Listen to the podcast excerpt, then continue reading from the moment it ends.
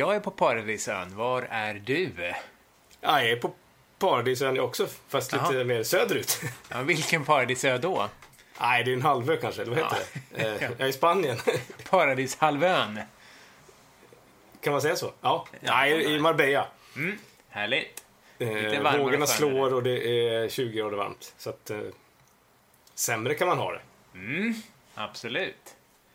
Eh, Har du följt med någonting i baseball den här senaste tiden? Det är ju faktiskt som så att alla lagen har ju clinchat sina divisioner nu ju, förutom eh, Boston va? Som är väldigt Mm. Precis. nära att göra det. De kan väl göra det i natt här. Vi spelar ju den här torsdag kväll. Ja, exakt. Mm. Torska Yankees och Boston vinner så, eh, så är det kört för Mm. Yankees. Jajamän. Eh, Men, eh, ja, så där lever det ju lite då i American League East. Men i American League Central vet vi ju, tillhör ju Cleveland Indians och eh. American League West har vunnits av Astros. Medan i National League, där är det helt klart nu sen igår. Eh, Washington Nationals, Chicago Cubs och Dodgers är ju klara divisionssegrare. Ja, vi får säga grattis till dem. Ja, absolut. Och visst är det så att Dodgers eh, clinchade home field advantage i eh, National League-serierna? Ja, så är det ju. Så att de kommer ju ha hemmaplansfördel i alla fall fram till eh, ja, en eventuell World Series. Som de också kan få, för, eh, eller ha. Men det är inte avgjort än. Nej, exakt. Nej. Ja, men återstår ju innan liksom det verkligen drar igång så är ju det här de otroligt spännande wildcard-matcherna som ska spelas nu på tisdag och på onsdag. Och som vi tänkte djupdyka lite i här ju i veckans avsnitt. Precis. Vi har gjort en liten uppdelning här. Du är ju från och med nu The American League Guy och kommer följa den sidan lite mer här i playoffs medan jag kommer ta hand om National League då. Ja, hur känns det? Ja, men det känns eh, spännande faktiskt. Det gör det.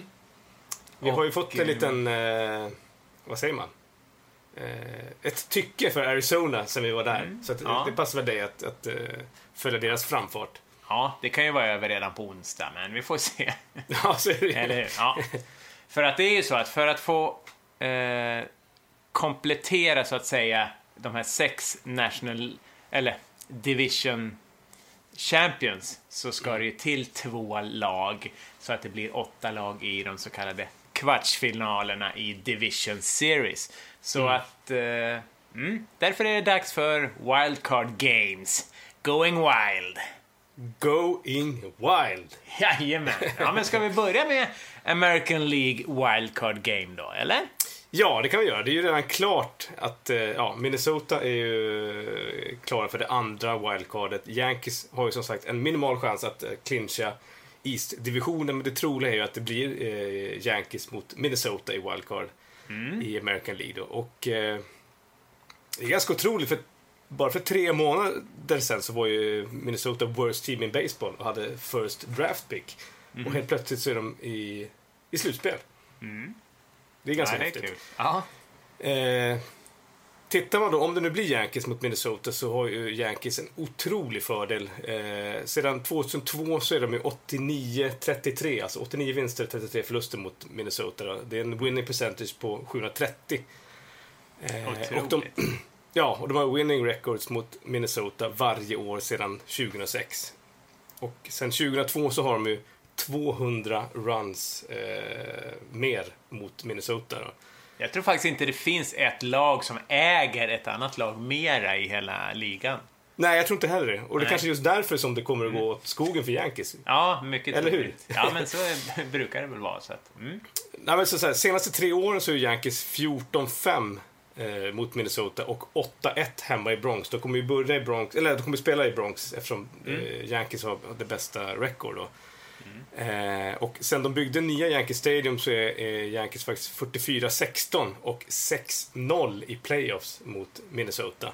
De har ju mötts fyra gånger då, samtliga gånger i eh, ALDS, American League Division Series. Och där har Yankees vunnit 12 matcher av 14. Eh, 2003 blev det 3-1, 2004 blev det 3-1, 2009 blev det 3-0, samma år som Yankees då vann hela faderullan. Eh, och 2010 blev det eh, 3-0 också. Eh, men vi ska ju liksom inte glömma att, att eh, Minnesota har inte varit någon så här dörrmatta där, utan de har ju fortfarande haft eh, winning seasons. nästan varje säsong sedan 2002. Men Yankees är ju favoriter för att, eh, ja, dels som ett bättre record, sen så deras starting pitcher Luis Severino, eh, bättre än Irving Santana. Han har ju jättebra record, eh, 15 vinster, 8 förluster, en era på 3.34, men har knackat ganska kraftigt sen i mitten av juni då.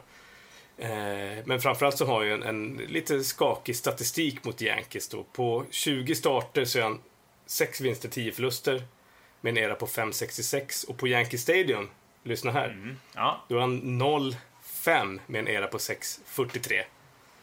oj. Men-.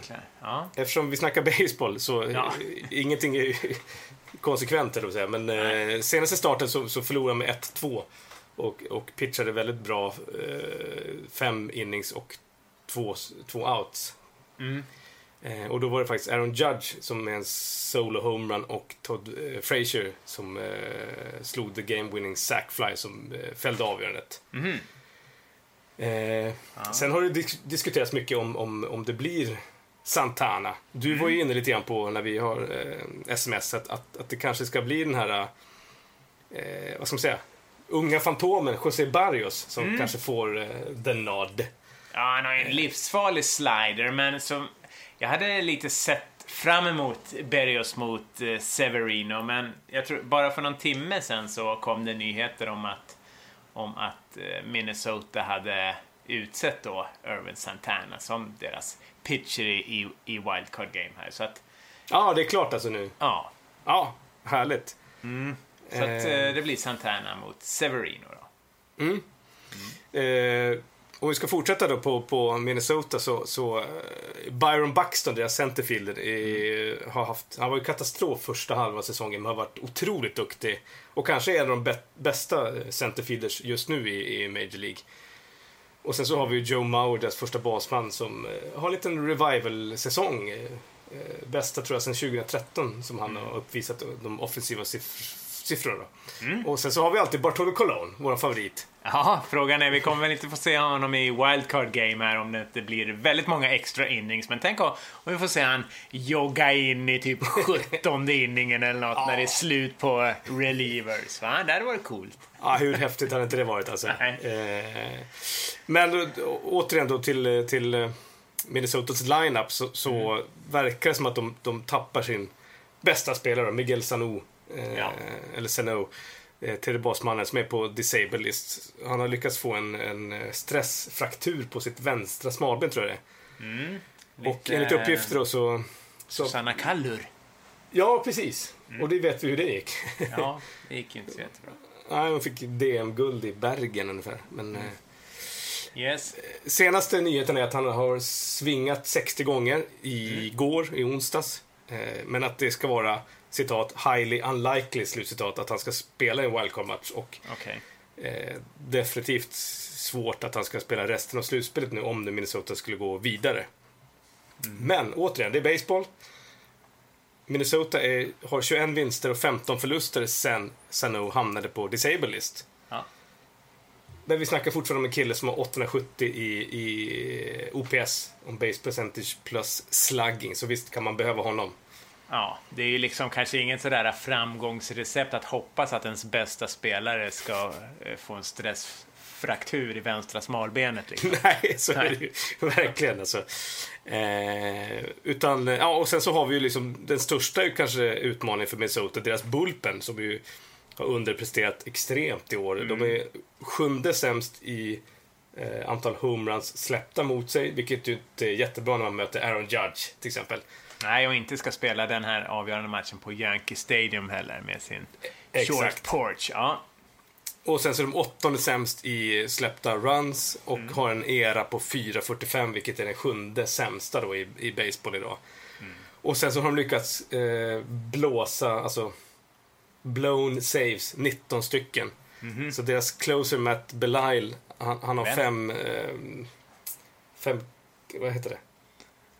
Eh, saves och 13 blown saves.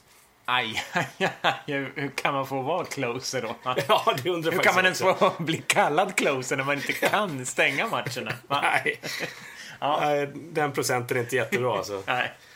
Eh, men om vi ska Ja, gå in lite grann på på eller vad, vad tror du om, om eh, Minnesotas eh, chanser? Är det som underdogs, ingenting att förlora? Nej men så är det ju och eh, det är väl lite sådär, om man ska säga oschysst. Jag tror att Yankees har vunnit sex fler matcher ungefär, någonting sånt, än, än Twins här nu under regular season. Ja. Och eh, då kunna bara med en match eh, liksom slå ut ett annat lag. Visst, det är ju så det är i slutspel, men just en sån här match blir så otroligt betydelsefull och eh, som vi vet i baseball så är det ju i princip 50-50 i varenda match. Ja, så är det. Så jag såg faktiskt en liten idé som jag inte tyckte var helt konstig i morse. Och då var det som så att jag tror att eh, de körde i Korea. Eh, Att man kör eh, två matchers eh, playoff eller wildcard game. Att, och, och då har liksom det bästa laget har två hemmamatcher. Ah, okej. Och bo, eh, eh, bortalaget, eller det sämre laget, måste vinna båda matcherna. Annars Aha. är de ute. Och det här gör man i så fall bara när skillnaden är större än fyra matcher. Det är lite komplicerat, men... Ja, det får man skulle- säga. Ja, det skulle vara lite häftigt. Alltså om, om, det är om det är ett väldigt tight wildcard-race där det bara handlar om någon match, då kör man bara en match. Men om det, om det blir som i år, 6-7 matcher, då, då blir det den här extra cushion för, för ett av lagen, där- då det ska spelas i två matcher som de måste få stryk i. Ja. ja, men det är väl det enda man kan eh, ha lite invändningar mot att eh, Att, ja, man spelar 162 matcher per år och allting avgörs på en match. Jag kan inte räkna tre procenten. timmar liksom. Mm. Ja, exakt. Det, det rör sig om liksom ja, 7% av matcherna och sånt där. Nej, Det är inte jätterättvist. Nej, det är tufft. Eh, När det, Samtidigt så är det så, det är det som gäller liksom, att, att man ska boosta upp sig till slutspelet. Men Ja. jag håller med dig, alltså att, eh, eller, det formatet känns ganska mer rättvist ändå. Att Ja, antingen köra bäst av tre.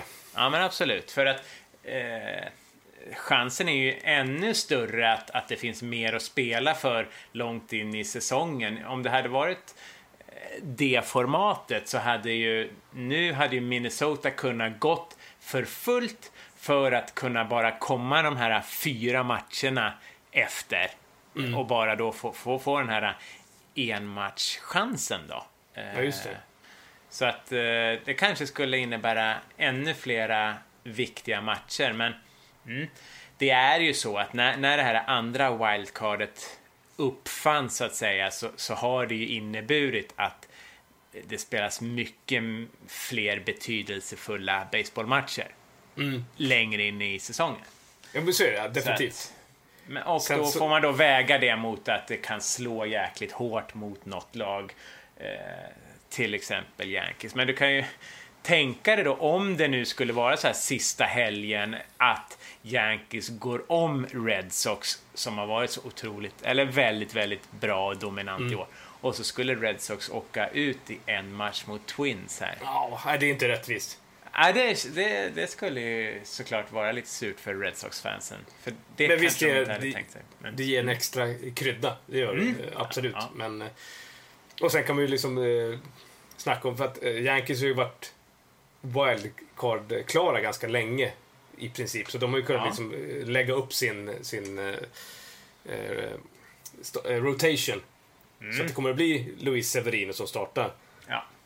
Eh, nu kommer ju för också eh, Twins kunna göra det i och med att de var klara igår va? Mm. Jo, de kommer ju också kunna fixa till det där. Ja. Så är det ju frågan. Det diskuterade vi förra veckan, om det är bra att kunna komma, alltså vila sig i form inför en match här. Kommer de kunna komma igång? Ja, exakt. Å andra sidan så Yankees har väl inte lagt av. Du, de är väl inne, jag vet inte om de har gett upp att bli division champs eller hur det är, men Ja, jag tror att de är någon slags mellanläge, vilket Mm. är jättebra. ja. Sen tar du alla siffror för Yankees mot Mm. Twins. Vilket gör att Twins kommer att vinna. Det är Om jag kan min historia rätt. eh, Ja. Men, eh, men, eh, ska vi gå igenom lite grann eh, eh, lagens eh, lineups kanske? ja, men gör det. Mm. Spännande. om vi börjar då med Yankees då så... Mm. så eh, eh, ja, vi ska nämna det att, att, att eh, lagen får ju välja en ny roster inför varje ny serie. Ja. Så att Yankees och Twins kommer få välja en roster bara för en match. Och sen så det laget som går vidare till Division Series, då kan man välja en ny roster. Mm. Och det påverkar ju såklart eh, valet nu när det bara är en match. Ja. Eh, för att det kommer att vara väldigt många relievers, några eh, bänkspelare och sen så kanske då en, två, tre starters ifall det går åt skogen från början. Yes. Eh, men tittar man på Yankees då så har vi ju Gary Sanchez bakom plattan. Eh, Som har varit en liten så här risk fram tills, inte för så länge sedan. Han har ju förmåga att få väldigt många pass balls. Men har lyckats bli väldigt mycket bättre på det. Och han kommer ju slå trea tror jag mellan eh, Aaron Judge och Didi Gregorius.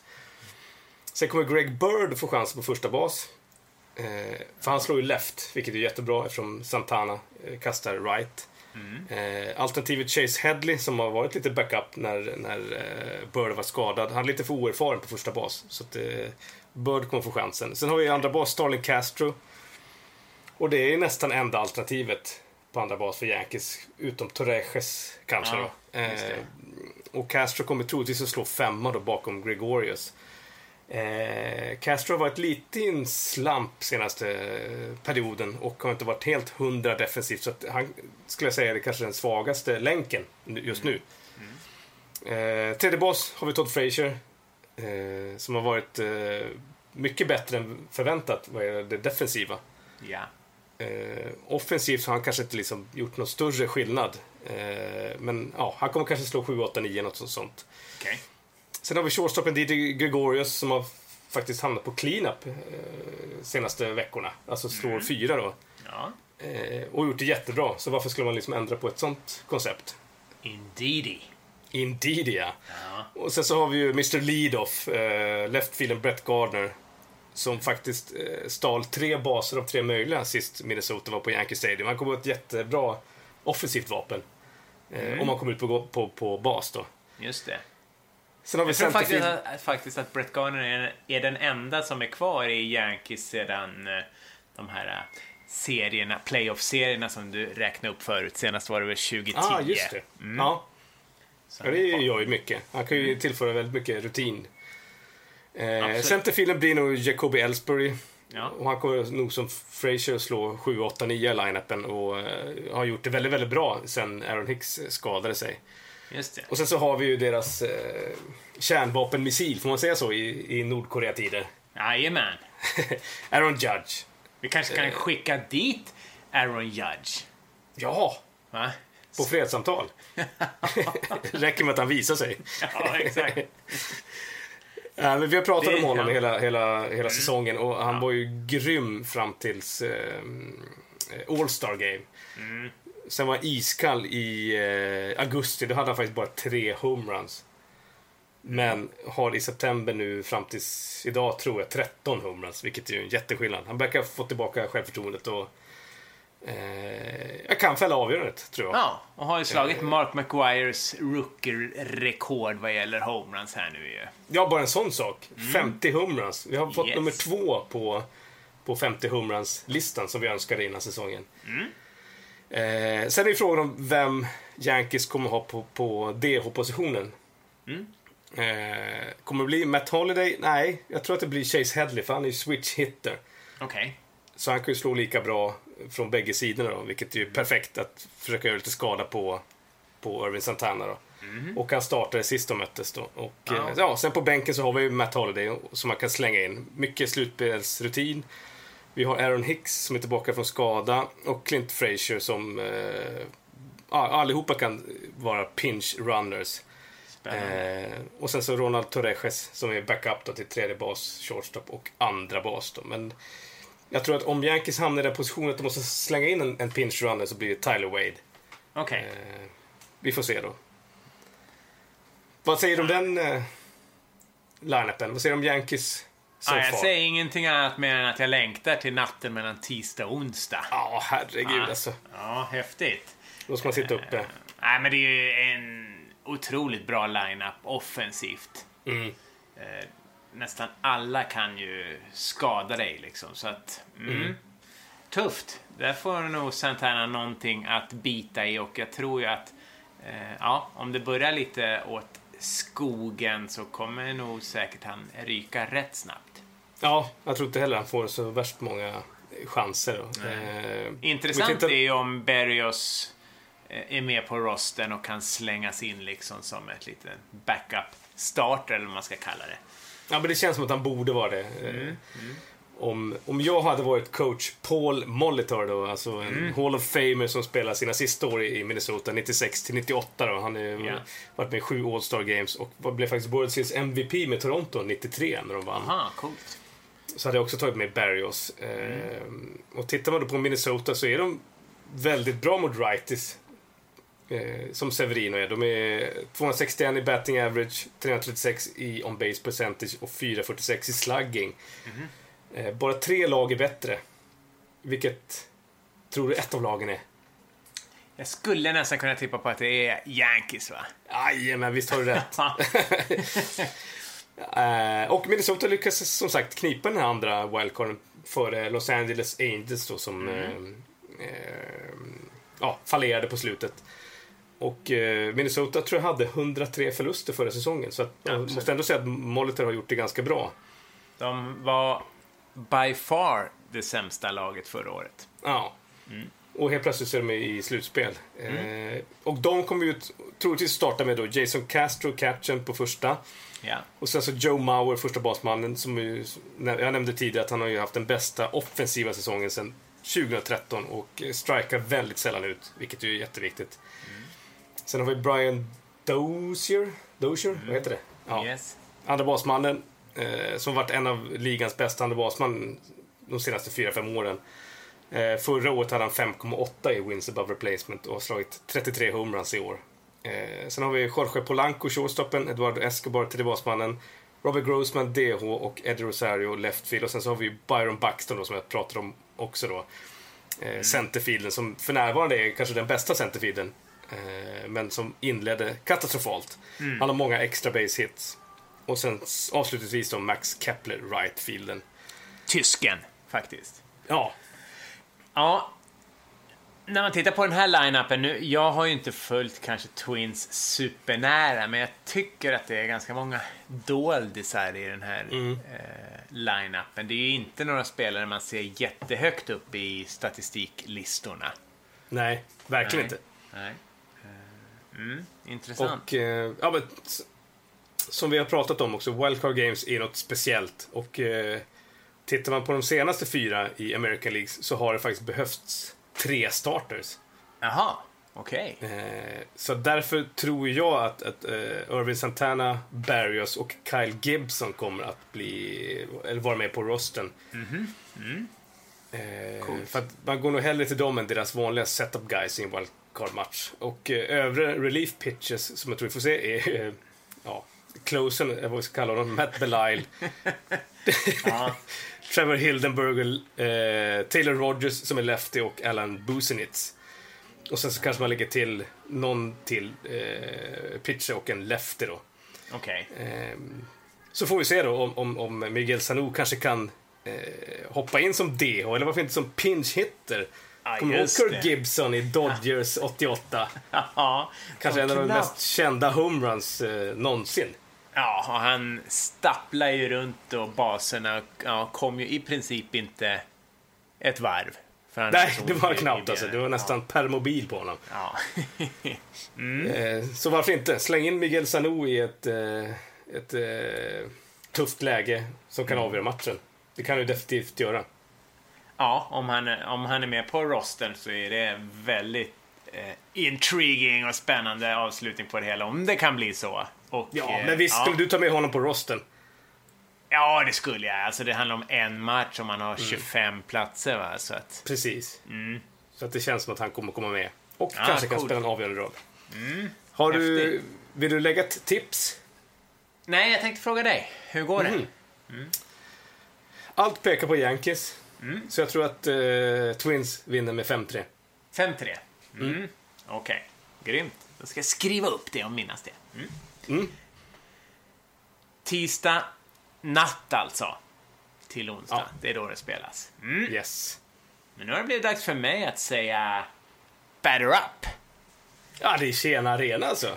Ja, det här är faktiskt eh, sista gången i år var ju tanken. För Ja. ja. ja, vi ska väl dra lite om postseason-formatet vi tänkte köra i. Men eh, mm, så blir det faktiskt och då undrar jag om du är redo för att svinga.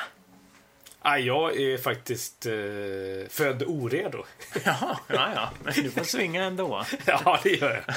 Ja, så är det För du, jag letar ju som sagt var efter en arena i Major League här och eh, kommer komma med tre gåtor eller påståenden eller någonting som kommer få dig att eh, förhoppningsvis komma på vilken arena jag söker. Eh, och vi börjar väl med den första pitchen här. Yes. Den här arenan har fått ESPN Magazines utmärkelse Number One Baseball Stadium Experience. Och om företaget som har namngett arenan inte hade bytt namn kanske arenan hade hetat Goodfellow Arena eller Dry Goods Park. Jag svingar. Oh! Oj, oj, oj, oj. Va? Vågat. Det Vågat. gillar jag. Ja. Ska, Då ska du eh, skriva. Jag har ingenting att skriva på. Du kan eh, skriva så här då. Ja, då skriver jag... Jag ska se. Så. Så. Så. Ja. Jag ser vilken arena du menar. Yes. Okej. Om det är den arenan så har jag varit där. Ja, okej. Eh, här kommer den andra pitchen. Mm. Left field är lite up your alley, tror jag. Alltså. Ja, så den här tror jag kanske att du skulle sätta om du hade sparat till din sving. Men, ja.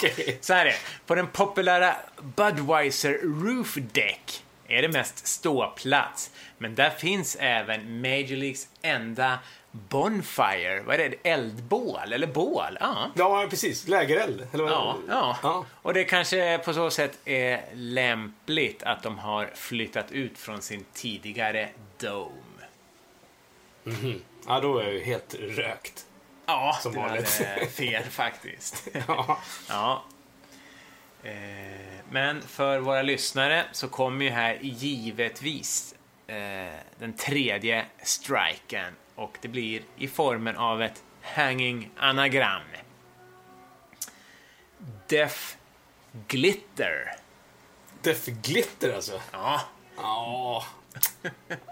Då vet du vad det är faktiskt. That's all there is to the game, dear.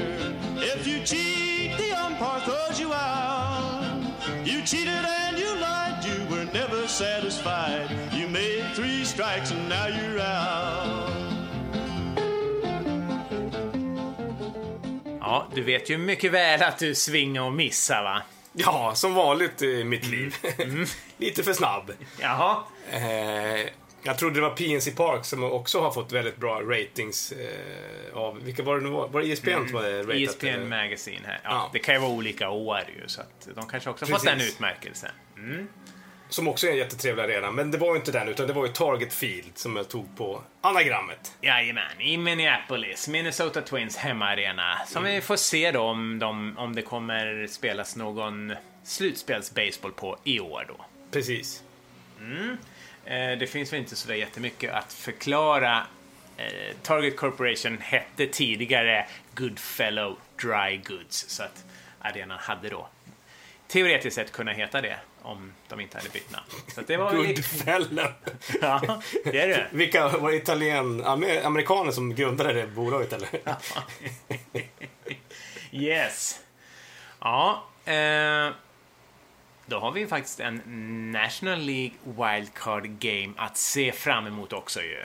Ja, otroligt spännande. Mm, natten mellan onsdag och torsdag och eh, mm, vi kan väl dra lite allmän fakta om eh, det här Wildcard Games. Ja, i, alltså Wildcard-matchen har ju funnits i fem år i båda ligorna. Eh, och i National League har faktiskt bortalaget vunnit fyra gånger av fem. Och eh, det är också så att bortalaget har vunnit de tre senaste åren. Ja. Och eh, det som är lite speciellt är att eh, laget som har spelat på hemmaplan har blivit nollade tre år i rad av eh, Oj. framförallt stekheta starters. Eh, 2014 sprang Pittsburgh på eh, Madison Bumgarner i sin wildcard games och förlorade med 8-0 när det var ett complete game av Bumgarner. 2015 sprang stackars Pittsburgh på en annan stekhet pitcher, Jake Arrieta, som bara några veckor innan hade kastat en no-hitter. Och Just även där blev det en complete game eh, shutout, 4-0. Och sen hade vi då förra året, ja, 2016, när eh, Madison Bumgarner eh, återupprepade bedriften från 2014 och hade ett complete game shutout när eh, New York Mets åkte ut med 3-0. Så att, Just det, så är det ja. Där Mets hade en väldigt bra, ett väldigt bra lag det året. ja. jo, De hade kunnat bli giftiga. Absolut. Men eh, ja, så där ser man ju hur mycket hemmaplan spelar om man eh, springer på en riktigt het starter. Ja. Och hemmalaget i år kommer bli, det är ju klart, Arizona Diamondbacks. Yes. Chase och- Field. Jajamän. Eh, och eh, mm, det är väldigt stor skillnad om man jämför med det laget som är hemmalag i American League Wildcard. Det här är ju ett lag med inte samma historik som Yankees utan det här var ju ett av de så kallade expansion teams från 1998 som vi har pratat en hel del om i år. Och eh, på den korta tiden har de faktiskt vunnit National League West 1999, 2001, 2002, 2007 och 2011. Eh, De har aldrig varit ett wildcard-lag tidigare så det är första gången när de nu för sjätte gången går till slutspel. Mm, så det är spännande eh, för dem att eh, få spela en sån här wildcard-match då. Ja, och det här var ju ett lag som, som vi skrattade åt förra säsongen. Mm. Som har en, en brokig historia med trades. Mm, de har ju det. Men ändå Absolut. har lyckats knyta ihop det. Och de var ju inte tänk, tilltänkta slutspelslag inför den här säsongen, eller hur? Utan de har ju lyckats eh, göra någonting speciellt. Ja, nej, det var väldigt mycket osäkerhet så att eh, inför säsongen. Och eh, ja, i söndags i alla fall så clinchade de den här platsen efter en walk-off hit av succéspelaren JD Martinez. Och det ledde faktiskt till ett litet poolparty som du minns att de har en liten pool Ja. bakom centerfield är det väl. Så att alla spelarna klättrade över väggen och dök i. Och Ja, det var mäktigt alltså. Varför hamnade inte vi där? ja, jag vet inte. Va? Det var ju varmt så inne i skogen så att jag fattar ingenting. Ja, så är det. Så att, eh, ja, men det finns Men en del... eh, Ja, hur, va, varför har det gått så bra för eh, Arizona den här säsongen när de ändå liksom var ja, litet skrattlag förra året och Mm. som ingen trodde på den här säsongen egentligen. Framförallt med tanke på Dodgers och eh, Giants. mycket av eh, årets framgångar kan man nästan härleda till 2014 faktiskt. För ja, efter framgången som de hade 2011 när de gick till slutspel så eh, ja, dök de lite under 2012 och 2013 när de blev ett 500 team, alltså vinner och förlorar lika många matcher. Eh, och eh, ja, det tycker väl inget lag är roligt, så att de gjorde en liten omstart 2014. Eh, ja, då blev de eh, sämst i hela ligan. Men det som började då var en, en kärntrupp, några kärnspelare eh, som är kvar än idag då. Och då tänker jag på första basmannen Paul Goldsmith, centerfielden A.J. Pollock, tredje basmannen Jake Lamb och eh, outfielden David Peralta. Som eh, tillsammans med eh, två vänsterhänta starting pitchers, Patrick Cor- Corbin och Robbie Ray, samt relieven och eh, setup-mannen Archie Bradley. Liksom, ja, de är Diamondbacks liksom på något sätt. Eh, Och, Och där här har vi laget- Paul Goldschmidt är väl den kanske mest underskattade spelaren i hela Major League. Ja, han är väl liksom kanske inte den här, ja, ska man säga, media-clownen som eh, Bryce Harper direkt, utan Nej. han eh, jobbar väl mer i, i det dolda. Precis. Men han är just, eh, ja, kanske en av favoriterna att bli årets Most Valuable Player i National League. Ja, Mm. Precis. Och det här laget de gjorde i alla fall små framsteg 2015, vilket gjorde att inför 2016 med värvningarna av eh, pitchers som Zach Greinke och Shelby Miller hade skyhöga eh, förhoppningar ju. Men då blev de ju, som du sa, lite av en katastrof med bara 69 vinster och 93 förluster. Men mm, de, det som kanske var bra var att den här kärnan som jag pratar om från 2014, den behöll man ändå. Man trodde på det laget. Så att, eh, ja. Det är ju en stor eh, orsak då, alltså den här kontinuiteten. Att de ändå ja, behöll det laget. Och inför den här säsongen så kickades ju den gamle general managern Dave Stewart. Och in Inte han kom- från uh, Eurythmics? Nej, inte han. Nej, okej. Det här är en skön gammal pitcher med en väldigt vild blick. Dave Ja. Stewart. Ja. Eh, han kickades i alla fall och in kom eh, ja, en general manager, eh, en rookie GM, Mike Mm. Hazen, in tillsammans med en annan rookie på managerposten, Tori Lavallo. Mm. Eh, och eh, Tori har faktiskt tidigare varit både lagkamrat med Boston Red Sox manager coach John Farrell och de följde varandra som coacher genom Bostons farm system och när eh, Farrell blev eh, Bostons head coach 2012 så tog han med sig Lavallo som bench coach och eh, där vann de ju World Series 2013. Men Just det. Eh, I Boston Red Sox eh, hade även han eh, Mike Hazen figurerat som bland annat chef för spelarutvecklingen och när han inför då 2017 som, eh, 17, som jag sa eh, blev general manager för Arizona Diamondbacks så plockade han med sig Lavollo eh, till Arizona. Eh, Ah, Okej, så- då får vi säga att det är en grym succé för rookiesarna eh, som styr då, eh, Hazen Ja. och Lavollo. Ja, men det, det är ju faktiskt jäkligt roligt att båda de är ändå eh, så oerfarna på sina eh, platser. Eh, mm. Sen en annan stor eh, orsak till att det har gått så bra är ju bland annat så värvade de eh, starting pitchen Taiwan Walker från Seattle Mariners eh, som har gjort det väldigt bra. Men den absolut största grejen kanske hände här mitt i sommaren när de eh, tradade till sig JD Martinez från Detroit för tre minor League-killar. Och eh, ja, han har ju slagit, jag tror det är 27 eller 28 homeruns på de här två och en halv månaderna som, som han har varit i, eh, i Phoenix, i Arizona Diamondbacks. Jag tror vi har nämnt det tidigare. Så att, Kan vi säga att, eh, att värvningen JD Martinez kanske är den bästa eh, dealen vid trading deadline? Ja, utan tvekan. Och eh, jag vet att eh, du sa det direkt. Det här kommer innebära också väldigt mycket för hela line-upen. Eh, att eh, man inte kan kasta runt Paul Goldsmith och, och ja, att det ger massa andra positiva effekter och det har det verkligen gjort för Diamondbacks. Kan du utveckla det här med att inte kasta runt Paul Goldschmidt?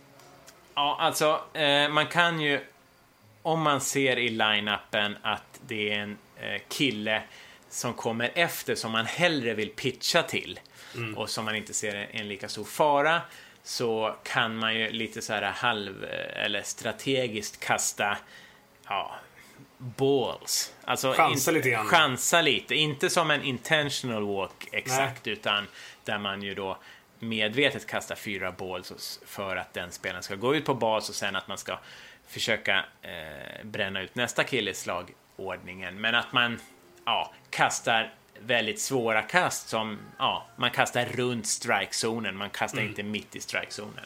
Eh, Och det vill man inte då göra om man har en bättre eller en väldigt bra slagman som kommer upp efter. För det är väldigt dumt att skicka ut någon på bas med en walk om det kommer en kille som är ett väldigt hot mot att slå en homerun eller slå in den killen. Så då, Och det här har ju nat- naturligtvis gjort att, att eh, Paul Goldschmidts produktion har, har stigit sen, sen eh, JD Martinez kom till Arizona. Jepp. Så är det. Mm. Ja, men vad är alltså... vad är det som säger att, att Arizona kommer göra bättre ifrån sig nu än 2011 när de åkte ut mot eh, Milwaukee tror jag va, i eh, National League Division Series med 2-3 i matcher. Mm. Nej, det var en tuff förlust, men om man jämför dagens lag med det som spelades 2011 är att de veteranerna som fanns i laget den gången Eh, ja, hade ju rutin, men de hade inte slutspelsrutin alls. Bland annat den här spelaren eh, Willie Blomqvist, om du kommer ihåg han. Han Ja, hade ju ändå aldrig eh, spelat i ett slutspel, så att mm, Även de rutinerade killarna var rookies när det kom till slutspelet. Nu är det faktiskt lite annorlunda. Även om det kanske inte ja, väller av slutspelsframgångar och rutin. Men du har ju storpitchen Zach Greinke som kommer starta eh, matchen. Han, Wildcard, ja. ja, wildcard-matchen. Han har nio slutspelsmatcher och ja, en era på 3,55 i, i postseason, vilket är helt okej ändå. Eh, Han har vunnit sen fem vi, matcher va? Sen har vi, ja, nämnde Paul Goldsmith som var med 2011 och spelade ju då fem matcher mot Milwaukee och han gjorde det väldigt bra i den serien. Han hade två homeruns och ett eh, OPS, on base plus slugging, på 1339. Så att Oj! han var stekhet i den Ja. eh, serien, även om det inte räckte ända fram. Och eh, JD Martinez har spelat slutspel med Detroit, även om det kanske inte var så lyckosamt. De blev svepta av Baltimore Orioles i eh, 2014 och Mm. eh, ja, hade ändå ett OPS över 1000, så han gjorde det bra. Sen har vi ju lite av en favorit, va? Ja, favorit. Fernando Rodney, va? Han som gör sitt bästa för att se ut som en ja, ganska moloken crackpundare från Crenshaw, va? Ja men visst är det så. Det var ju han som eh, iscensatte hela den looken som Ja. så många har kopierat. Men det finns bara en Fernando Rodney, eller hur? Ja, ja, men absolut. Jag älskar Fernando Rodney. Ja, jag med. Ja. Är det tatueringsdags?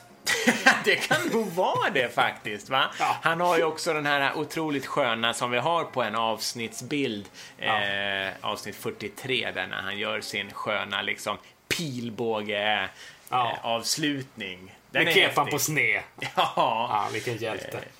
han gjorde, han spelade faktiskt slutspel redan 2006 för Detroit, sju matcher, men där hade han faktiskt en blown save i World Series Game 4 mot St. Louis Cardinals. Som Den med bra minne kanske minns. Sen var han där även 2013 för Tampa Bay Rays, så det är intressant för då spel, det var faktiskt en wildcard-match som de vann. Eh, han var lite skakig i den matchen. Han hade faktiskt en blown save i den matchen också, men det vändes till en win för att laget kom tillbaka. Det hade ju ingenting med Fernando Rodney att göra, men man Nej. får ju ändå pitcher-winnen om man ja, har pitchat inningen i samma inning, så att säga. Ja, just det. Mm. Han var också där 2015 för Chicago Cubs eh, i två matcher. Kanske inte som någon jättedominant eh, pitcher. Han var setup guy där. Så att, Men han har rutinen i alla fall. Han har varit med i många lag och i många slutspel. Så att det kan vara väl så viktigt i en match. Absolut. Och eh, det som vi gillar också med Rodney, han är ju lite en journeyman. Även fast han har varit det i, i Major Leagues då. Yes. Han har inte varit och harvat i, i, i de lägre, lägre divisionerna, men han har varit i, i många lag och gjort sitt jobb. Och Ja. eh, har gjort det ganska bra i Arizona och kan bli en nyckel till eh, wildcard-match-vinst. Ja, absolut. Eh, några tidiga tankar om Arizona Diamondbacks har vi faktiskt i vårt arkiv. Eh, Precis som jag nämnde i det här eh, avsnitt 43, Big Dog, så pratar vi en hel del om dem, speciellt i minut 25 till 30. Kan man Just det. kolla in. Och där har vi ett matigt avsnitt om Arizonas starting pitcher då, eh, Mm. Zach Greinke i wildcard-matchen som finns i avsnitt 64 bara i Holy Cow. Ja, den Mm. kan man också liksom gå tillbaka till och om man verkligen vill frossa i Arizona så kan man ju surfa in på vår Soundcloud-sida för där ligger ett avsnitt som skulle ha blivit det 43 om du kommer ihåg då som spelades in i sin helhet på ja, långt upp i katakomberna på Chase Ja. Field men som faktiskt aldrig publicerades. Men ja, för den Av en som anledning. ja, men det är ett skönt avsnitt, men det är Absolut. lite ostrukturerat. Eh, Men Vi för var den som är sugen så kommer rökiga. vi länka till ja, alla de här avsnitten på veckans MLB.se. du skulle säga Precis. någonting? Att du Ja, var vi lite- var ganska rökiga då det avsnittet. Vi hade, du hade kört eh, hela natten eh, Mm. genom Arizona-öknen och så vips var vi på Chase feed och skulle spela in avsnitt. Eh, Mm. Men vi har en mäktig bild därifrån. Ja, Eh, Randy. ja, Randy Johnson och Mark Grace som jättestora eh, maskotar. Ja. Ja, men med den här genomgången och eh, de här extra lyssningarna som ni skulle kunna göra så skulle jag nog kunna säga att man ändå kan bli lite Diamondbacks förberedd inför onsdagens drabbning, tycker du inte? Absolut. Mm. Eh, frågan är ju vilka de ska möta. Vad har de för motståndare? Är det klart? Ja. Eller? Nej, men det är ju inte riktigt klart. Det är ju lite lurigt då att sitta och försöka scouta lag eh, när vi här på torsdagen faktiskt inte riktigt vet. Men mm, det troliga eh, bortalaget, så att säga, motståndarna till Arizona Diamondbacks kommer bli Colorado Rockies från samma division. Just det, som Och- du faktiskt tidigt, eller ja, innan säsongen eh, hade som prognos. Ja, jo, men de har jag faktiskt trott på länge, så att det är kul att de då kanske tar sig vidare. Men ja, om man tittar lite på Rockies som vi har pratat en del om, de är också ett så kallat expansion team. De blev ju, kom med i ligan fem år före Arizona Diamondbacks 1993 och eh, de har faktiskt aldrig vunnit sin division. Nej, just det, det är sant. Eh, Men de har ändå gått till playoffs tre gånger och alla gånger som wildcard-lag och det, därför har de ju rutin. 1995, 2007 och 2009 och en säsong som sticker ut där är ju verkligen 2007 då. Och den är väldigt speciell för efter att ha avslutat säsongen med samma record som San Diego eh, med 89 vinster så spelades ett så kallat tiebreaker game eh, på måndagen efter säsongen tar slut på söndag.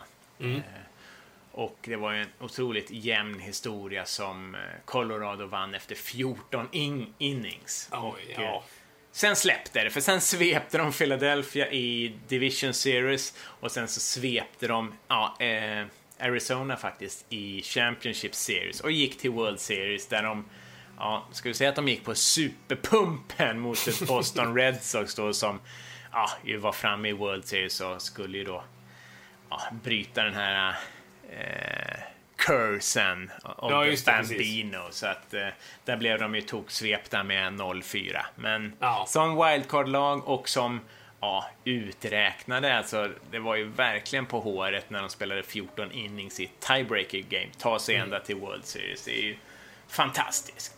Ja, verkligen. Och, Mm. eh, men det här är ju första gången de, de eh, som wildcard-lag eh, får spela en, en, eh, en match om vem Exakt. som tar sig vidare.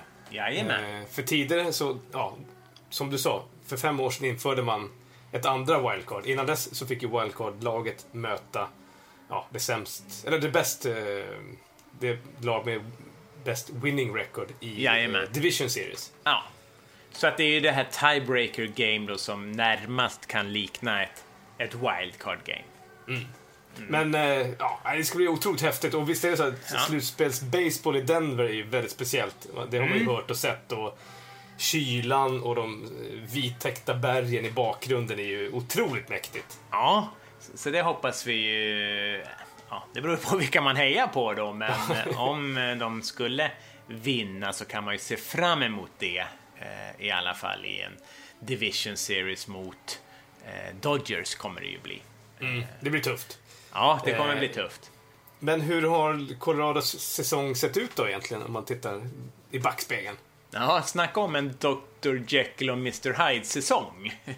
För de hade, ja, om man ska sätta ut ett högvattenmärke eh, den 20 juni. Då ledde Colorado National League West och hade, jag tror de hade 47 vinster och bara 26 förluster. Eh, och de var faktiskt bara en och en halv match bakom eh, Houston Astros som det bästa laget i hela Major League. Eh, fram till 20 juni. Eh, Efter 20 juni, jag vet inte vad som hände om de hade en otroligt tung midsommarafton där eller någonting, men efter 20 juni så är de eh, har de 38 vinster och 47 förluster. Men det är man alltså 24, säger man bästa laget i Major League Baseball eller 24 värsta laget? Jag vet Ja. inte, men 24 plats vad gäller eh, winning percentage sen 20 juni. Och då är det ju helt otroligt att man ändå kanske tar sig till ett wildcard game. Men mm, Ja, verkligen. Jag kommer ihåg vi snackade om dem eh, väldigt tidigt. De inledde bra, som du var inne på. Och, Mm. Eh, hade ett otroligt intressant lag. Unga pitchers. Det var ju, jag kommer inte ihåg vad han heter, men eh, en av deras starter pitchers var ju jättenära en, en no-hitter här i somras. Kyle Freeland var det va? Kyle? Freeland, ja, precis. Mm. Eh, men sen så har det gått knackigt och... För jag tror att vi nästan utropade eh, National League Wildcard-lagen för två månader sedan. Att Mhm. det var Arizona och Colorado. Och sen så gick det bara South för Co- Colorado. Ja. Men vi hade rätt, kanske. Vi vet inte. Nej, jag vet inte. Det är inte klart än. Men, Nej. Men eh, varför gick det som det gick då efter den 20 juni? Mm, det är ganska intressant om man ska försöka leta efter eh, så att säga, symptom. Men offensiven är faktiskt inte problemet, vilket man kanske skulle kunna tro. Men eh, både Charlie Blackmon, Nolan Arenado och DJ, vad heter han, LeMayu har snarare bättre siffror efter 20 juni än före. Jaha. Så det är Okej. otroligt. Och lagets så att säga team-era, eller totala earn run average, eh, det har i och för sig gått från att vara ligans tredje bästa till sjunde bästa, men det är snarare normalt när man faktiskt spelar på Coors Field som, Ja. ja, de gör det, gör det ju väldigt mycket mer oftare än något annat lag såklart. Och när det blir varmt där på sommaren i juli, augusti, då ja, bollarna flyger i princip ut av sig själva i den tunna luften. Ja, när vi har varit inne på det i något Mm. avsnitt tror jag att eh, Colorado har eh, generellt sett haft svårt att få dit starting pitchers därför att det är så jäkla svårt att pitcha på Coors Field därför att Mm. Ja. du ger upp så många homeruns. Så det är som en karriärdödare nästan att att åka dit. Ja. Så om man ja, gräver i statistik och läser artiklar och sådär, så ja, den största förklaringen som, som man kan hitta, om man nu måste ha en förklaring, så är det om man tittar på deras eh, främsta relievers. Eh, För om man jämför statistik fram till 20 juni med statistik efter 20 juni så kan man titta Greg Holland, hans era har gått från 1,63 innan det här datumet till 5,67 efter. Oj. Jake McGees era har gått från 2,45 innan till 5,33 efter. Och sen har du en kille som Adam Ottavino, hans era, ja, 3 innan, 3,08. Ja, det är helt okej alltså. Den är 7,77 efter det här datumet. Så att, Åh, herregud Mm. alltså. Lite kanske- kan ju som sagt var påverkas av vädret och sådär i, Mm. i värmen och Coors Field. Men ja, någonting har ju hänt här. Kommer du ihåg, eh, var det inte Brynäs som var så fruktansvärt eh, katastrofala innan juluppehållet men jätteduktiga efter juluppehållet? Så att Tommy Sandlin, coachen, Oj. han firade jul i september tror jag. Ja, det är kanonbra ju. Va? Ska Colorado göra något liknande? Jag vet inte, vad har vi för helgdag i, i eh, USA i, i april eller? Ja, men det är ju en fantastisk idé ju. Va? Du får Ja. pitcha den. Va? För Bud Black. Mm. Precis. Ja, men det är bra. Ja, men och eh, om vi tittar då på, på wildcard-matchen att eh, det är ju solklart att Zach Greinke kommer att starta för Arizona. Mm. Men den stora frågan är ju, om nu Colorado tar sig till wildcard-matchen, vem kommer att starta där? Mm, det blir nog med all sannolikhet, eller det kan jag... Jag kan inte ens komma med ett scoop här när jag säger att det blir Oklahoma-sonen John Gray som, eh, som kommer kliva upp. Ja. Eh, troligtvis, för det finns lite förutsättningar, andra förutsättningar som kan göra att man vill använda honom i andra lägen. Men han är så att säga lined up för att kunna ta hand om Arizona Diamondbacks på onsdag. Men ja, han pitchade ju som sagt var i den här onsdagen så att han skulle också möjligtvis kunna ta hand om ett tiebreaker game om det blir aktuellt mot Milwaukee Brewers på månda. För de Ja, för kan det är inte klart det här. Det är inte Nej, klart, det är inte klart. Nej. så att om det blir aktuellt, och då kommer man att sätta in John Gray då.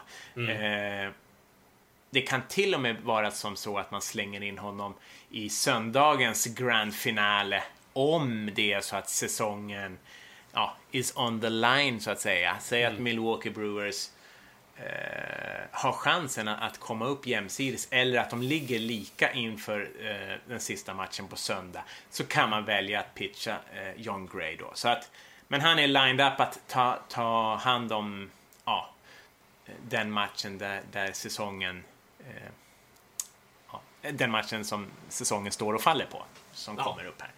Men Eh, hur, har, hur har han varit då mot eh, Arizona? Ja, men han har varit bra mot Arizona. Eh, han, eh, framförallt så är han ju ganska het just nu. Han har eh, faktiskt 13 raka matcher där han har gett upp eh, tre runs eller färre.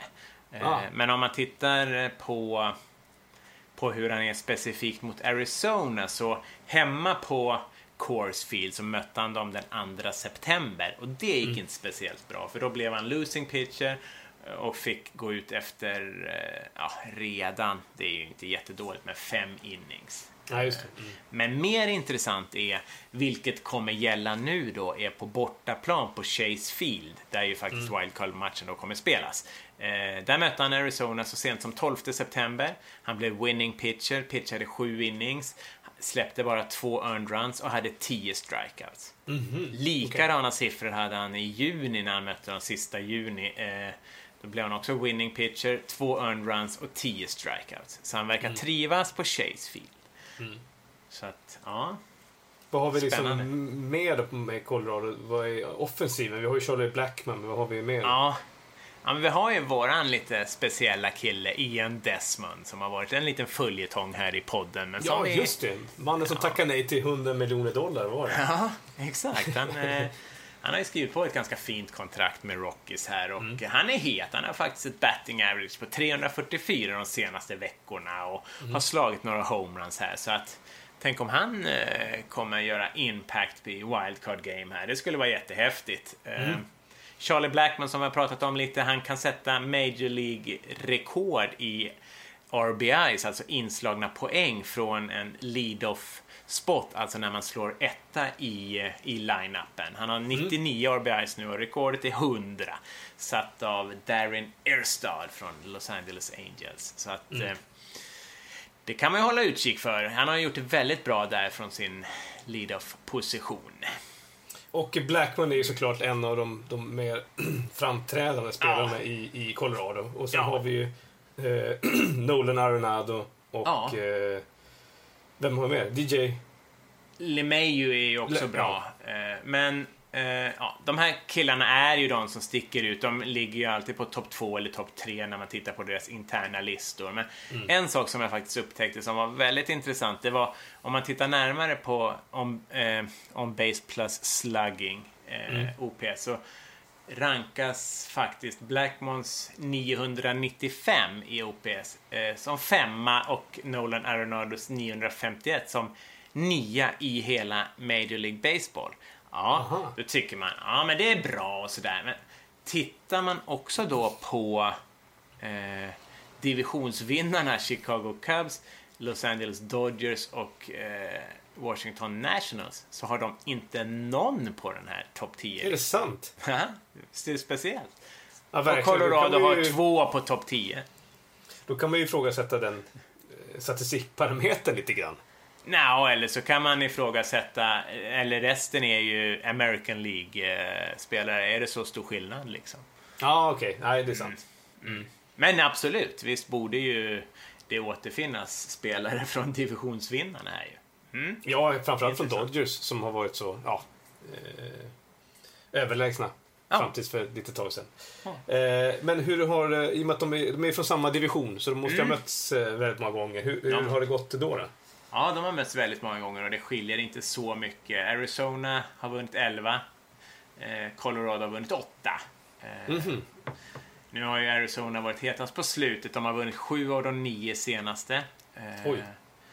Man kan ju lägga märke till att av de tio matcherna på Chase Field så har det vunnit fem var. Så att där är inte skillnaden så där Ah, jättestor. okej.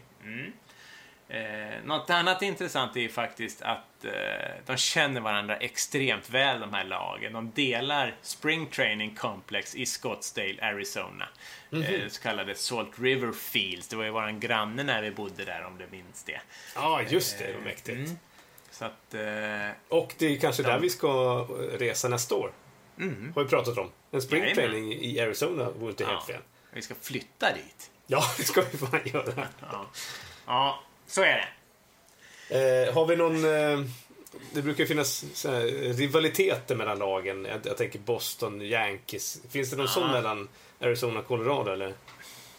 Ja, det finns det väl. Nu är det ju inte den kanske historiken, så där långa historiken mellan lagen och de har ju bara mötts någon gång i slutspelet. Men det har blåsat upp en liten beef här mellan Colorados han, eh, sidearm pitcher Pat Neshek som är faktiskt en helt galen autografjägare. Han har faktiskt, han driver vid sidan av sin liksom, professionella Major League-karriär en sajt med 7000 medlemmar. Oj. Som då eh, ja, som bara handlar om, om att eh, ja, signerade baseballkort då. Och eh, det finns en liten beef mellan han och Zach Greinke för enligt Nishek så hade han under All-Star Game eh, där de var lagkamrater, då hade han blivit lovad att få autografer på några baseball cards av Zach Greinke. Eh, när de hade tjabbat där. Och eh, några veckor senare så möttes de. Eh, men då totalvägrade Greinke och sa väl bland annat att han inte ens skulle ha signat korten även om, han, om Pat hade skickat fram sin son. Oj. Liksom. Ja. Och, och det här liksom eh, skrev väl Nishek om i något forum och kallade Greinke för ja, socially awkward och eh, ja, a-hole. Eh, så att, och Greinke lite förnedrande svarade att han hade nog förväxlat Pat Nishek med Brad Ziegler. En annan. Det vad skönt. Ja, Men vi vet ju, vi hade ju faktiskt... Ja, man kan ju gå tillbaka och lyssna eh, på vårt Zack Greinke-avsnitt, men Mm. han har ju faktiskt en liten... Han är lite speciell kan man Ja, säga. väldigt speciell. Så Ja. att, mm, Och man ska om kanske nu- inte eh, ta det så jäkla personligt om... om, om Nej, och om nu Nishek skulle ha chansen och, eh, vad heter det? Planka Greinke så eh, Ja. ligger ju Arizona i förarsätet, om vi säger så. Så är det ju, absolut. Eh, ja. Lite extra lyssning kan man ju göra om Colorado Rockies också faktiskt. Vi har ju vårt Charlie Blackman-avsnitt nummer 53 som vi väl kallade för Chipmunk, va? Just Jaha. det. Mäktigt. Ja, riktigt bra. Eh, men Ja. sen så, det är inte klart. Nej, men det är ju inte det. Det är ju så att säga inte hugget i sten.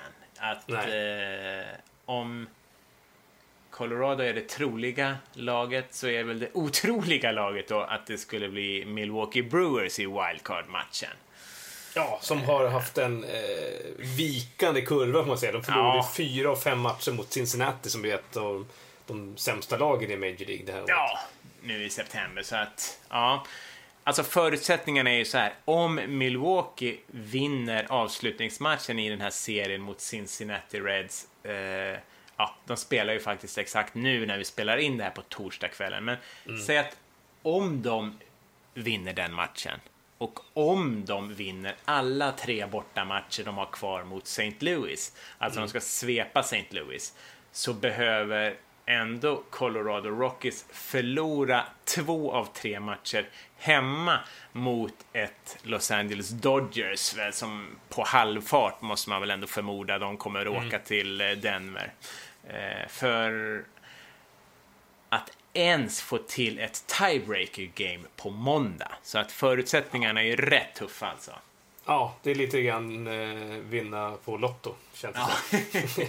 Ja, men om vi ändå liksom ska på något sätt, eh, om det nu blir Milwaukee så kan det ju vara kul att ha nämnt dem och då kan vi väl säga att eh, Arizona Diamondbacks har vunnit fyra av sju matcher i år, lagen emellan. Eh, det finns en slutspelshistorik mellan de här lagen som vi sa 2011 i National League Division Series, den här supertajta serien där Arizona vann poängen med 25-23 men förlorade matchserien efter extra innings i den femte och avgörande matchen. Det var ju här Paul Goldschmidt bland annat var så Ja. extremt stekhet. Slutspelsbaseball när den är som bäst helt enkelt. Mm, verkligen. Så att, men då, då, det betyder att det finns ju lite grann som, som gnager här va? Ja, för att eh, absolut bäst i den här matchserien för Milwaukee Brewers var ju Ryan Braun eh, som fortfarande spelar i Brewers och eh, han hade i den här serien ett OPS på 1460. Oj. Eh, ja, helt omänskligt bra såklart. Och Grejen var ju att han åkte ju senare dit för att inhysa ett helt apotek i, i överkroppen ju. Så Ja. att, Eh, Han är väl kanske inte den mest populära personen i Phoenix, Arizona. Eller? Nej, verkligen inte. Och det här har vi pratat om också, att, att eh, Braun åkte dit men lyckades ta sig ur det på, på, på grund av teknikalitet. Ja, exakt. Eh, men han gjorde inte en Melky Cabrera och uppfann en egen hemsida. Återigen, titta tillbaka på gamla avsnitt så pratar vi om det, det var förra säsongen. Nej, Jag är grymt tag- taggad för de här wildcard-matcherna. Ja, det ska bli så otroligt häftigt. Och som eh, jag tror du var inne på för, för eh, några veckor sedan. Eh, det är ganska vanligt att, att, att wildcard-lagen går hela vägen.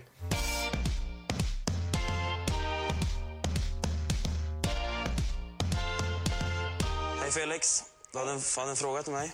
Ja, då blir det dags för mitt favoritsegment här i podden. Jajamän, Felix för fan. Mm, Eh, veckans men, fråga.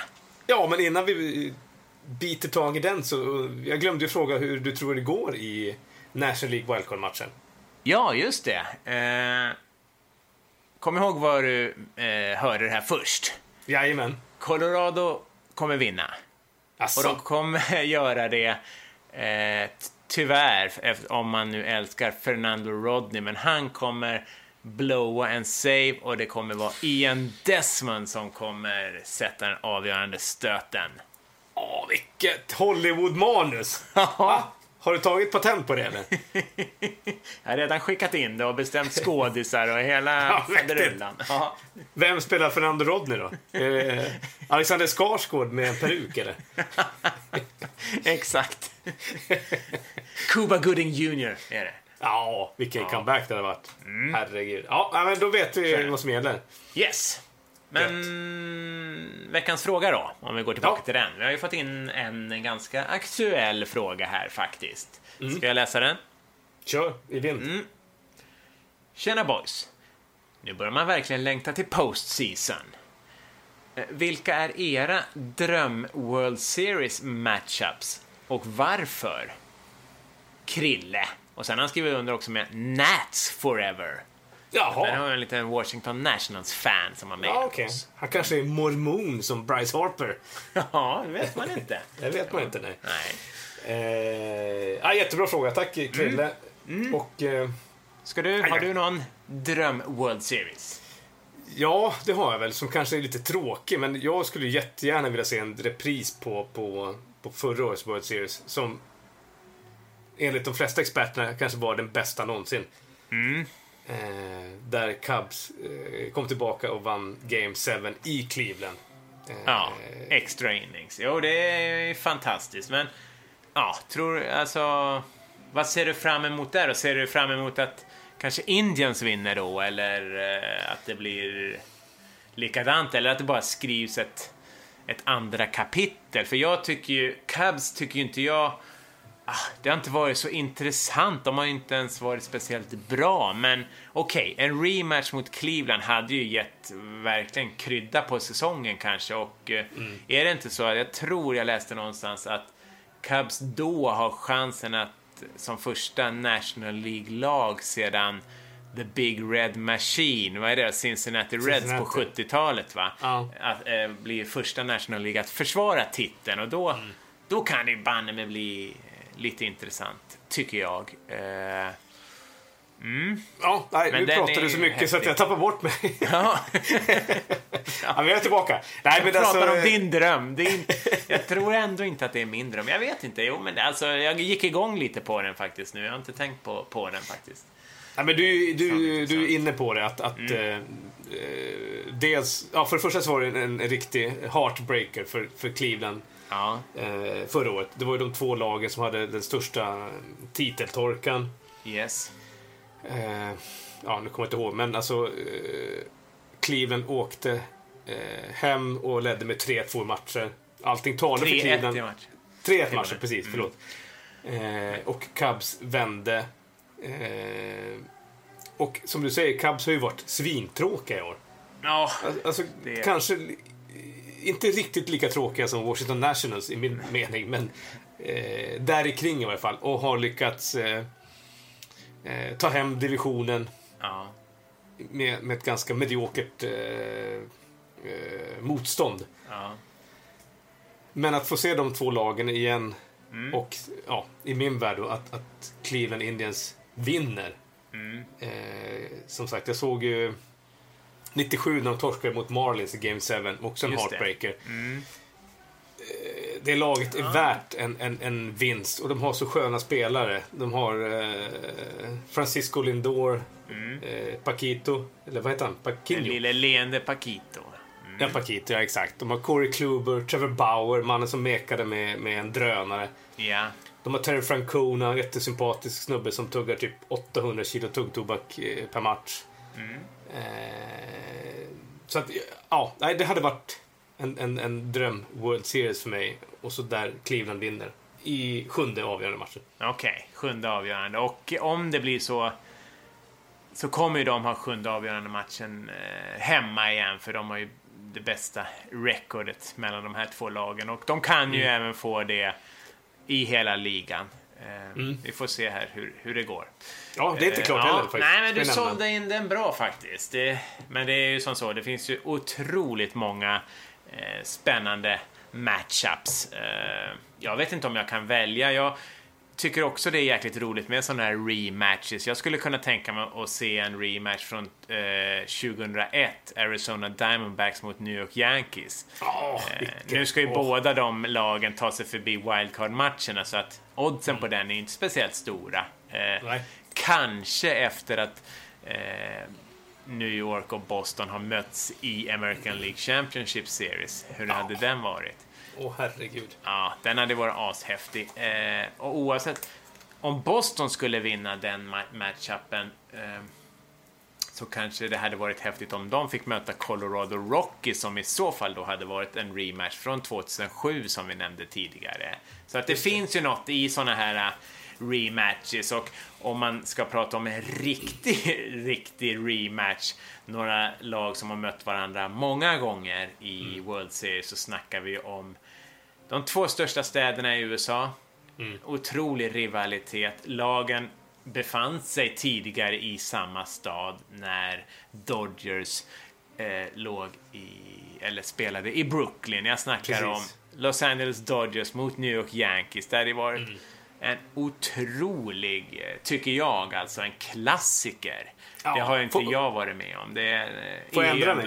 De största franchise... Du får ändra dig, absolut.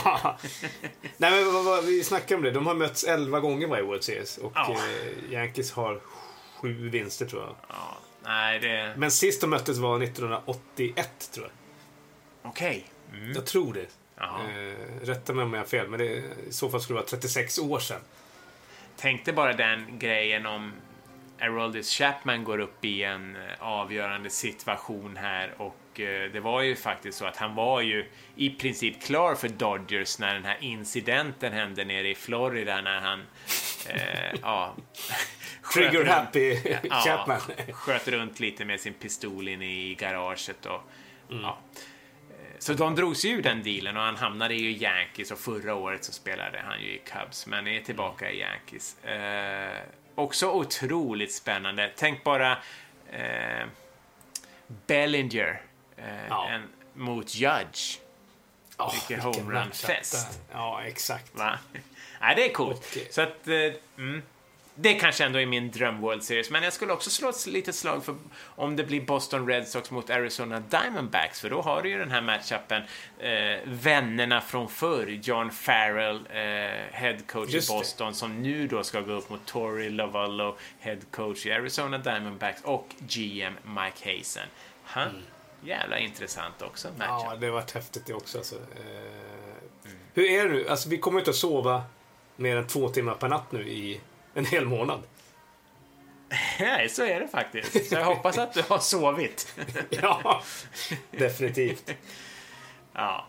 Nej, men... Ja.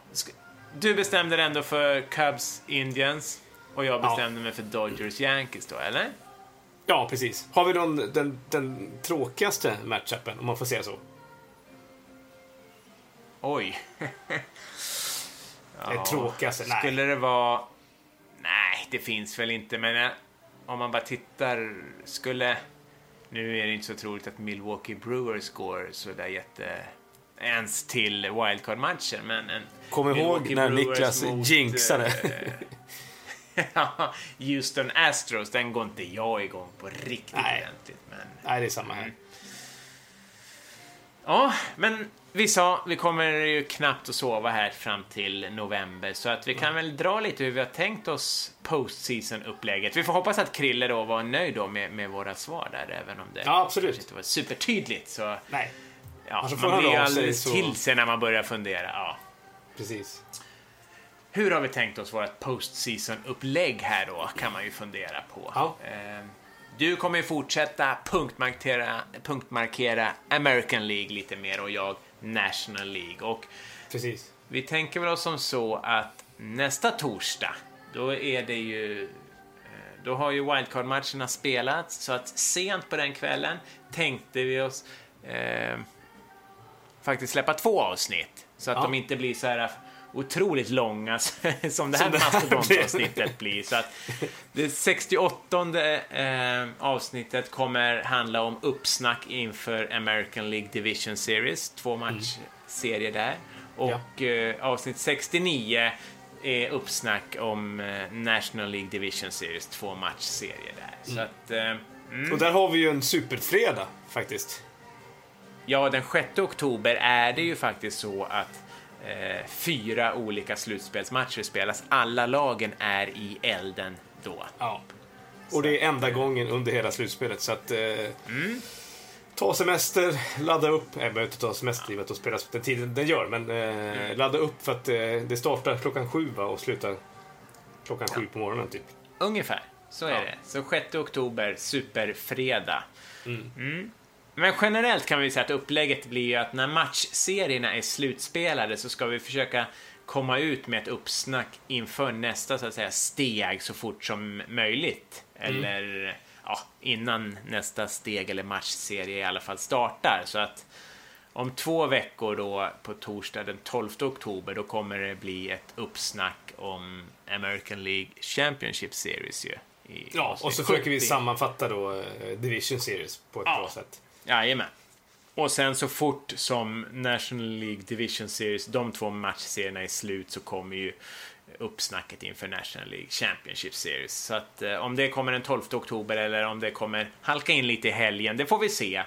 Och eh, samma upplägg liksom när det gäller World Series och sen även ett avslutande. Vi stänger butiken och firar eh, World Champs eh, någon gång mellan 30 oktober och 2 november kommer ju det hela vara avgjort och klart. Ja, och då ska du ha på skidglasögon va? Visst är det så? Ja, då kommer jag poppa champagnen för vilket lag det än blir. Vilket blir det nu? Ska vi ge oss på ett tips här innan playoffs Oj. börjar? Ja, ja, men jag, även om det inte är min dröm så, så tror jag på Cleveland Indians. Det gör jag också. Det var fegt. ja, men man tror ju på det man tror. Jag slänger in Houston Astros som en, Okej. en eh, vad heter det? Asterisk. Bra. Härligt. Mm. Eh, ja. Säsongens sista låt ska vi ha nu. Som handlar om en glad, positiv liten kille faktiskt. Han är själv ute på baseballplanen och tränar och eh, kastar upp bollen till sig själv för att slå. Men ja, han svingar i luften. Inte bara en gång, inte bara två gånger. Även när han tar i med full kraft. Men nej, tredje gången så hamnar bollen på marken. Han missar. Han lommar hemåt med ja, lite stukat självförtroende som man hör i låten, men vid matbordet där hemma så kommer han på det. han är nog en av världens bästa baseballspelare ändå. Han hade ju trots allt på baseballplanen lite kort innan kastat tre omöjliga kast att träffa, eller hur? Ja. Med det så är vi faktiskt redo att kliva in i säsongens sista baseballhelg.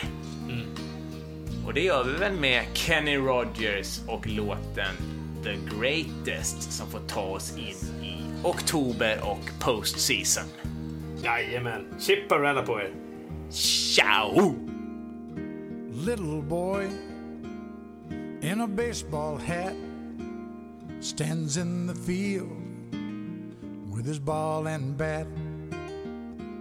Says, I am the greatest player of them all. Puts his bat on his shoulder and he tosses up his ball. The ball goes up and the ball comes down. Swings his bat all the way around. The world's so still you can hear the sound. The baseball falls to the ground. Now the little boy doesn't say a word, picks up his ball. He is undeterred. Says, I am the greatest there has ever been. And he grits his teeth and he tries it again. And the ball goes up and the ball comes down, swings his bat all the way around. The world's so still you can hear the sound. The baseball falls to the ground. He makes no excuses. He shows no fear. He just closes his eyes and listens to the cheers. Little boy, he adjusts his hat, picks up his ball, stares at his bat, says, I am the greatest. The game is on the line, gives his all one last time. And the ball goes up like the moon so bright, swings his bat with all his might. And the world's as still as still can be, and the baseball falls. And that's strike three. Now it's supper time, and his mama calls. Little boy starts home with his bat and ball. Says, I am the greatest. That is a fact.